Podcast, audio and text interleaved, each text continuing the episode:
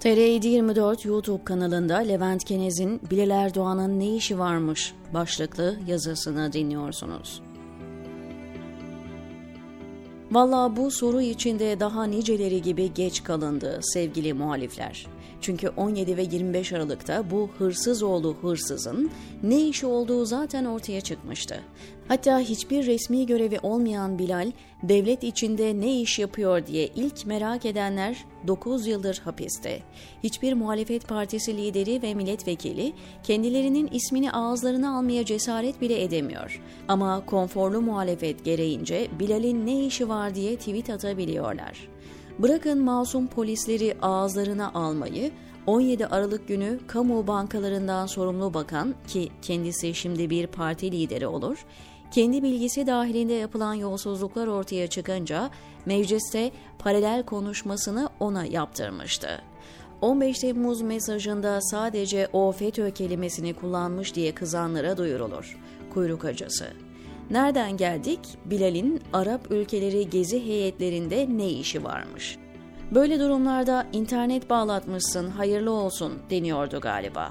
Adamın bu kaçıncı resmi heyette liderlerle beraber oturuşu. Özbekistan liderini karşılarken en baş sıradaydı. Tahran'da Rus, İran, Türkiye zirvesine katıldı. Kırgızistan'da masadaydı. Katarlıları saymıyorum bile. Oralarda daimi üye. Ziyarete gelen bütün liderlerle görüşüyor. Gittiği yerlerde valiler hazır olda düğme ilikleyerek karşılıyor. Ha, devamlı protokolde ilerliyor. Bu gidiş nereye diyorsanız, babası ülkeyi üzerine geçirmiş. Oğlunu bakan da yapar, danışman da. Gerekirse yardımcısı yapar. Kim şaşırır, kim engelleyebilir? Parti içinden kim ses çıkaracak? Oğlunu vekil yaptığı Arınç mı?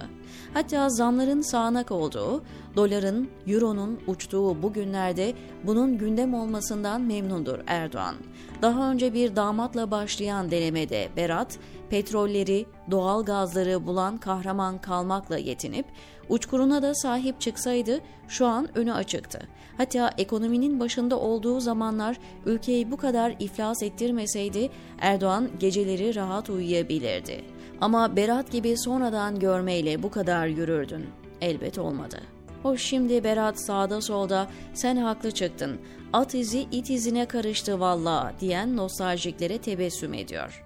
Peki Bilal'le olur mu? Bilal'e destek çıkacak, Bilal'in bir yerlere gelmesiyle önü açılacaklar elbette kendisinden yana tavır alır. Hatta Erdoğan hayattayken gözüne girmek için yavaş yavaş renklerini belli edebilirler. Bilal'in hükmettiği sermaye de kendisinin hanedanlığı devam ettirmesinden memnun olabilir. Hatta kendisine rakip olarak görülen Selçuk'la da anlaşacağını düşünüyorum. Ancak Bilal'in en büyük dezavantajı kamuoyundaki geri zekalı imajından sıyrılıp sıyrılamaması. Bir mizah objesinden bir başkan çıkarmak öyle kolay değil. O sebeple bazıları başarı hikayesine sahip Selçuk'u daha şanslı görüyor.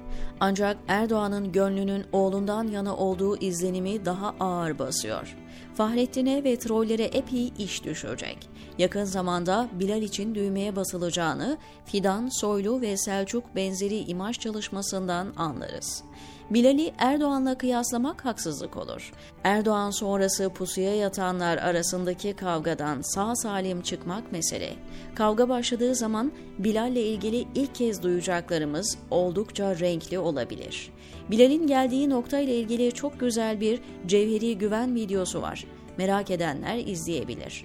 Bilal ve Suudi Arabistan gündeme gelmişken Bilal'in unutulan Suudi ayrıntılarını hatırlayıp bitirelim. Herhalde Suudlular en çok Bilal'i gördüklerinde mutlu olmuşlardır. Bir zamanlar beraber iş tuttukları, İstanbul'un en güzel yerlerini beraber parselledikleri Bilal'i. Bir telefon açıp Erdoğan'a ayar verdikleri, bir daha ülkemizin adını ağzına almasın diye not ettikleri Bilal'i. Sevda Tepesi rüşveti olarak babasına iletmek üzere 99 milyon 999 bin 999 dolar yolladıkları Bilal'i. Erdoğan'ın Suudluların alındığı bir tweetten dolayı Bilal'i içimizdeki düşman senmişsin diyerek fırçaladığını da ekleyelim. O günlerin üzerinden çok sular aktı. Bir zamanlar aman kimseye yakalanmayalım diye kasmalarına gerek kalmadı. Hem Erdoğan kral oldu hem de onları yakalayabilecek birileri kalmadı. Aileyi çok eskiden tanıdıkları için yakın zamanda çıkan krizi nasıl çözeceklerini bulmaları da zor olmadı Suudluların. Erdoğan'ın hasta haliyle dünkü velet dediği, ana avrat küfrettiği veliaht prensi havaalanında uğurlamaya kadar götürecek şeylerden bahsediyoruz. Aile demişken Selçuk'un abisinin de heyette olduğunu unutmayalım. Neticede özel bir şirket değil misin sen? Drone satacaksan buna izin verecek devlet kurumu var zaten.